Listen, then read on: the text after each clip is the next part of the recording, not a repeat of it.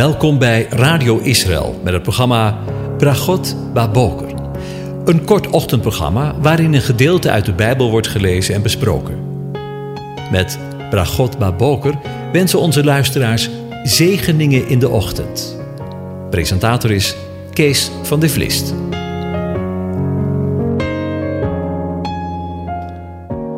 Goedemorgen, Bokatov, beste luisteraars. Vanmorgen denken we weer opnieuw na over Psalm 105. En ik lees de eerste zes versen aan u voor.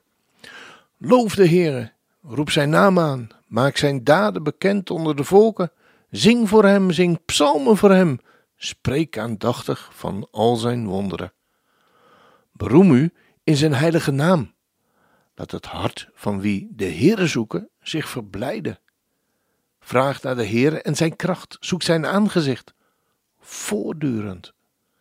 Denk aan zijn woorden, aan zijn wonderen die hij gedaan heeft, aan zijn tekenen en aan de oordelen van zijn mond. Nakomelingen van Abraham, zijn dienaar, kinderen van Jacob, zijn uitverkorenen. Tot zover. Over het aanroepen van zijn naam gesproken. In de voorgaande aflevering hebben we met elkaar nagedacht over de eerste woorden van de psalm, waarin de dichter van de psalm in eerste instantie het volk Israël oproept om de Heere, JHWH, te loven, zich uit te strekken naar Hem. In het vervolg van dit eerste vers klinkt de oproep om Zijn naam aan te roepen. Maar wat betekent dat precies? Zijn naam. Dus de naam JHWH aanroepen. Het is een goede gewoonte in het Jodendom, maar ook daarbuiten, om bij bepaalde begrippen, namen of omstandigheden naar de eerste keer te kijken wat een bepaald begrip, een bepaalde naam of een bepaalde omstandigheden zich voordoet in de Bijbel te gaan. De uitdrukking de naam van de Heere aanroepen vinden we voor het eerst in Genesis 4, waar we lezen: En Adam had opnieuw gemeenschap met zijn vrouw, en zij baarde een zoon, en gaf hem de naam Set. Want, zei ze, God heeft mij ander nageslacht, let op dat woord hoor, gegeven in de plaats van Abel. K1 heeft hem immers gedood. En ook bij Set werd een zoon geboren. En hij gaf hem de naam Enos. Toen begon men de naam van de Heere aan te roepen. En daar ging het om. Zet krijgt een zoon, Enos, dat mens betekent, in de zin van zwakke mens of sterfelijke mens. Uit die naam blijkt het geloof van Zet. In tegenstelling tot K1 en zijn nageslacht verwacht Zet niets van de mens, maar alles van God. Het is dan ook opmerkelijk dat juist in de dagen van Enos men de naam van de Heere begint aan te roepen. Zoals we dat ook lezen, die uitdrukking althans, in Psalm 105. En juist in die tijd, in de tijd van Enos, terwijl er zijn die zichzelf een naam maken op aarde, zoals we in vers 17 van hetzelfde Genesis 4 lezen, zijn er anderen die in het besef van eigen zwakheid een beroep doen op de naam van JHWH. Want, zegt de wijze dichter van de spreuken in 18 vers 10, de naam van de Heere is een sterke toren. Een rechtvaardige snelt erheen en wordt in een veilige vesting gezet. En dan moet ik denken aan die andere toren, waarin de andere mensen zeggen: Kom, laten wij onze naam maken. En hier zegt de dichter: De naam van de Heere is een sterke toren. De naam van de Heere is een veilige vesting, want inderdaad, hij brengt redding. Yeshua, Jezus, redder. Jezus komt uit de stam van Juda, maar over hem dachten we Israël na. De aanbeveling in Psalm 105 om zijn naam aan te roepen blijkt dus niets anders te zijn dan een aanbeveling om een beroep te doen op de reddende kracht van Yeshua, Jezus. Prachtig toch? Maar het gaat nog verder. Want evenals we gezien hebben in de voorgaande uitzending dat Psalm 105 niet alleen maar geschiedschrijving is, maar eveneens een geweldige profetie bevat. Daarover lezen we onder andere in Joel 2. Want Daarna zal het geschieden dat ik mijn geest zal uitstorten op alle vlees. Uw zonen en uw dochters zullen profiteren. Uw ouderen zullen dromen dromen. Uw jonge mannen zullen visioenen zien. Ja, zelfs op de dienaren en op de dienaressen zal ik in die dagen mijn geest uitstorten. Ik zal wondertekenen geven aan de hemel en op de aarde, bloed en vuur en rookzuilen. De zon zal veranderd worden in duisternis en de maan in bloed. Voor die dag van de Heere komt. Die grote en ontzagwekkende dag. Het zal geschieden, en dan komt het waar het me om gaat, dat ieder die de naam van de Heere zal aanroepen, behouden zal worden. Zie je wel? Ieder die de naam van de Heere zal aanroepen, die zal zalig worden. Dat was Noach in de tijd van Enos. Dat waren er 3000 in de tijd van de handelingen op de Pinksterdag. En dat zullen er miljoenen zijn. Zoals Joel zegt, dan komt de dag van de Heer, groot en ontzagwekkend. Dan zal ieder, u luistert goed, u hoort het goed, dan zal ieder die de naam van de Heere aanroept, worden gered. Door de profeet Joel spreekt God daarom over die dag dat zijn wolk weer terug zal brengen naar zijn land. Ik zal mijn geest uitgieten over alles wat leeft. Dan zal ik tekenen geven aan de hemel en op de aarde, bloed en vuur en zuilen van rook. De zon zal veranderd worden in duisternis en de maan in bloed. Dan komt de dag van de Heer, groot en ontzagwekkend.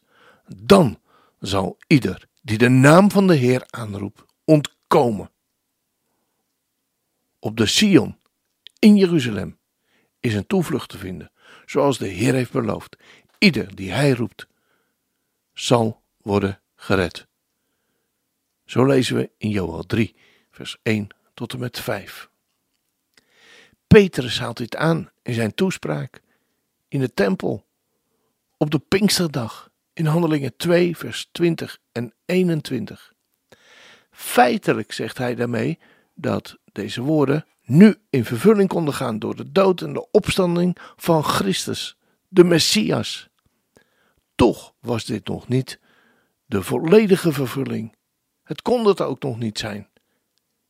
Dit was inderdaad een dag waarop het oordeel over het Joodse volk zou beginnen. Zij moesten nu kiezen en in het jaar 70. Het jaar van de verwoesting van de tempel van het oude verbond door de Romeinen. Was hun tijd om.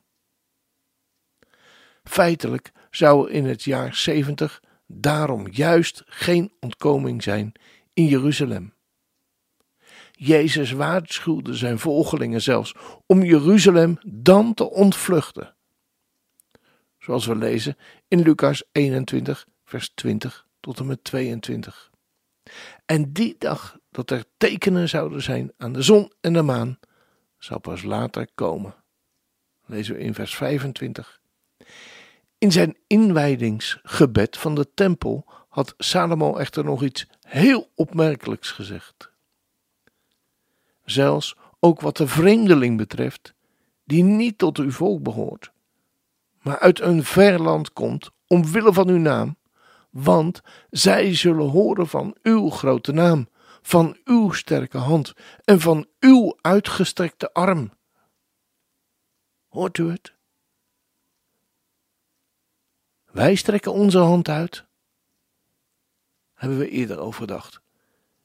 Maar ook God strekt zijn arm uit naar u, wanneer hij komt en naar zijn huis, dit huis zijn gebed richt. Luistert u dan in de hemel uw vaste woonplaats en doe overeenkomstig wat de vreemdelingen tot u roepen zal, opdat alle volken van de aarde, u hoort het goed, opdat alle volken van de aarde uw naam kennen en u vrezen, zoals uw volk Israël. Hoort u het? Hoort u het goed? Opdat alle volken van de aarde uw naam kennen en uw vrezen, zoals uw volk Israël. En erkennen dat uw naam is uitgeroepen. Hebben u die uitdrukking weer. Over dit huis dat ik gebouwd heb. Zo lezen we in 1 Koningen 8, vers 41 tot en met 43. Salomo vraagt hier dat God zijn naam, die hij aan Mozes had geopenbaard, zou waarmaken aan de mensen die niet tot het volk van Israël zouden behoren. En juist daarom kon die profetie van Joel nog niet meteen in vervulling gaan. Nog niet geheel in vervulling gaan. Het evangelie, de blijde boodschap van vergiffenis, moest eerst nog worden gepredikt aan al die andere volken.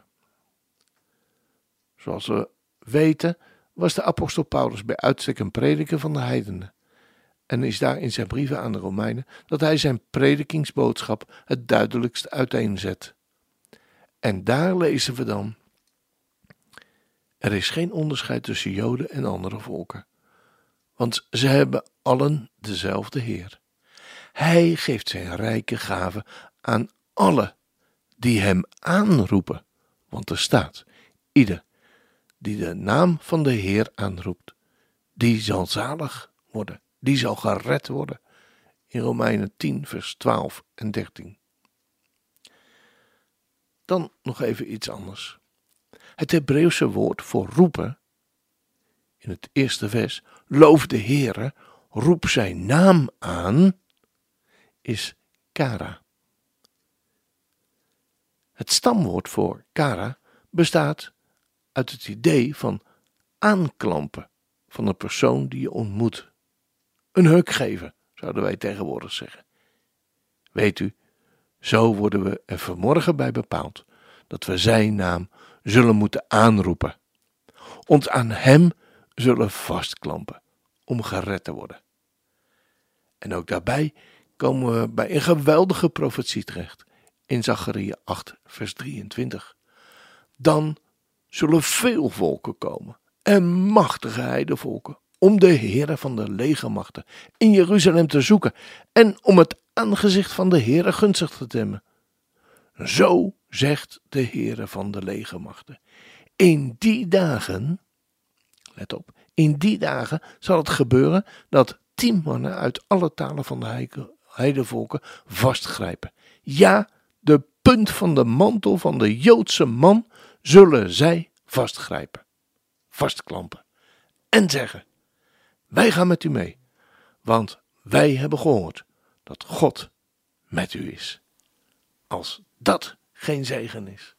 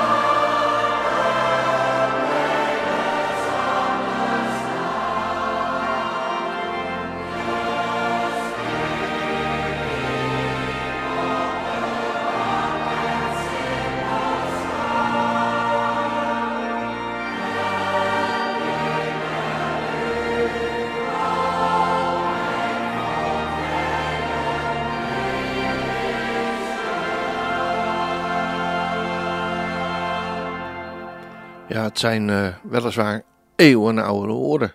In uh, 1773 zijn ze al op rijm gezet.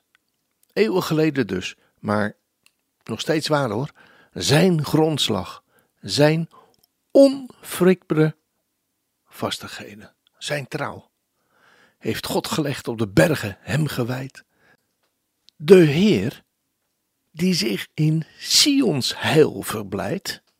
Hier lezen we dus ook over God verblijden over zijn kinderen, bemint hem meer dan alle Jacobssteden. Want God zal hen zelf bevestigen en schragen. En op zijn rol, waar hij de volken schrijft, en tellen, nog de benen als in Israël ingelijfd. En doen de naam van Sions kinderen, nota bene, dragen. Dan wordt mijn naam met lofgejuich geprezen.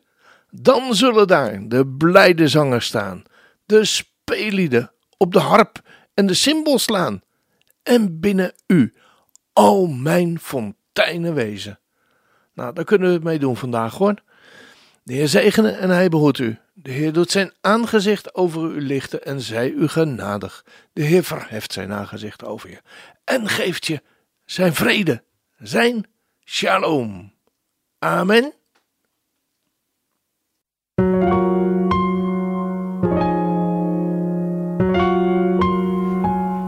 U hebt geluisterd naar het programma Bragot Baboker.